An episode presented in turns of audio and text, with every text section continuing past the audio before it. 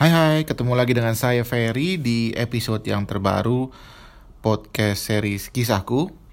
Uh, kebetulan ide cerita kali ini baru saja saya alamin.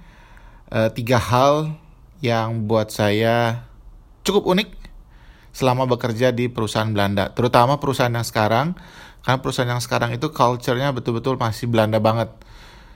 Uh, kebetulan perusahaan ini dulunya uh, adalah organisasi pemerintah ya mungkin uh, apa kalau di Indonesia disebutnya BUMN kali ya sekarang dan masih sebagai BUMN jadi culture bekerjanya juga masih yang Belanda banget menurut saya.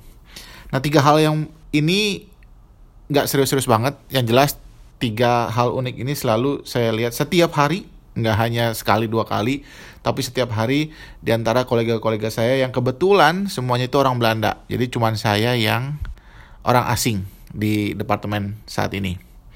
Yang pertama itu masalah minum. Nah kebetulan saya ini kan kerjanya di kantor ya. Jadi dalam rangka supaya sering bergerak tidak terlalu apa eh, kebanyakan duduk sebisa mungkin saya itu sering-sering berdiri dan uh, ngambil minum gitu ya. Baik itu air putih ataupun misalnya kopi atau apalah coklat gitu ya. Kebetulan ada ada mesinnya kebetulan juga ada apa uh, saluran air minum uh, khusus gitu di, di setiap lantainya. Nah yang lucu adalah setiap kita mau ngambil minum itu entah culture-nya seperti itu atau ada aturan tidak tertulis yang jelas kita juga dalam tanda petik diharapkan untuk bertanya ke kolega-kolega yang lain mereka mau minum apa gitu loh. Jadi kita mengambil pesanan ceritanya ya, menerima pesanan kira-kira mereka juga mau minum apa. Sangkin banyaknya eh, orang-orang yang juga pengen minum gitu ya. Kadang-kadang ya setiap saya mau jalan ke uh, mesin untuk ambil minum, saya harus bawa uh, tray sendiri gitu ya, alias baki lah kalau di Eh, Bandung dulu saya bilangnya Baki. Uh, bahkan juga ada semacam apa ya kayak semacam ring gitu yang isinya tuh beberapa bolong uh, untuk uh, narok uh, gelas. Kebetulan gelasnya dari uh, plastik.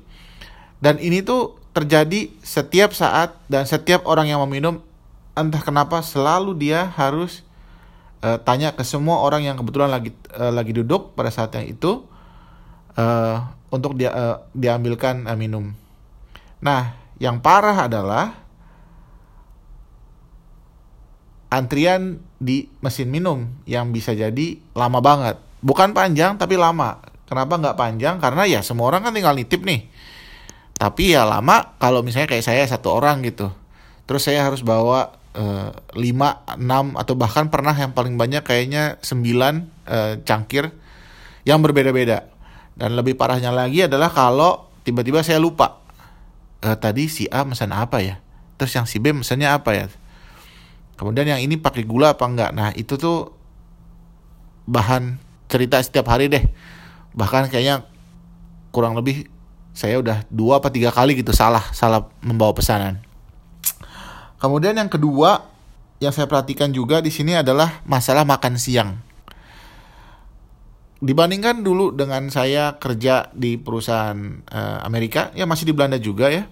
Rasanya makan siang itu kita meskipun bawa makan siang dari rumah kita end up makan di kantin misalnya eh, bersama dengan kolega-kolega yang lain.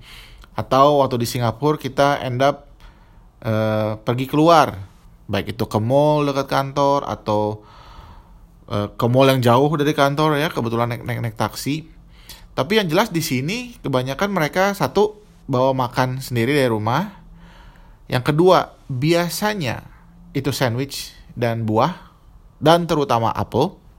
Ya, dari dari sekian banyak buah yang ada di negara ini selalu ujungnya adalah apel. Dan yang ketiga, mereka selalu makan di desk masing-masing. Jadi sebenarnya tidak ada waktu khusus untuk makan siang yang apa orang itu uh, pergi untuk untuk apa makan di di kantin atau makan di uh, apa mall dekat-dekat kantor? Enggak. Justru mereka mak ambil sandwichnya makan di desknya tetap sambil ngelihat monitor. Alasannya simple. Ya supaya waktu kerjanya dihitung juga sebagai waktu uh, sorry waktu makan siangnya dihitung juga sebagai waktu kerja. Jadi pulang bisa lebih cepat.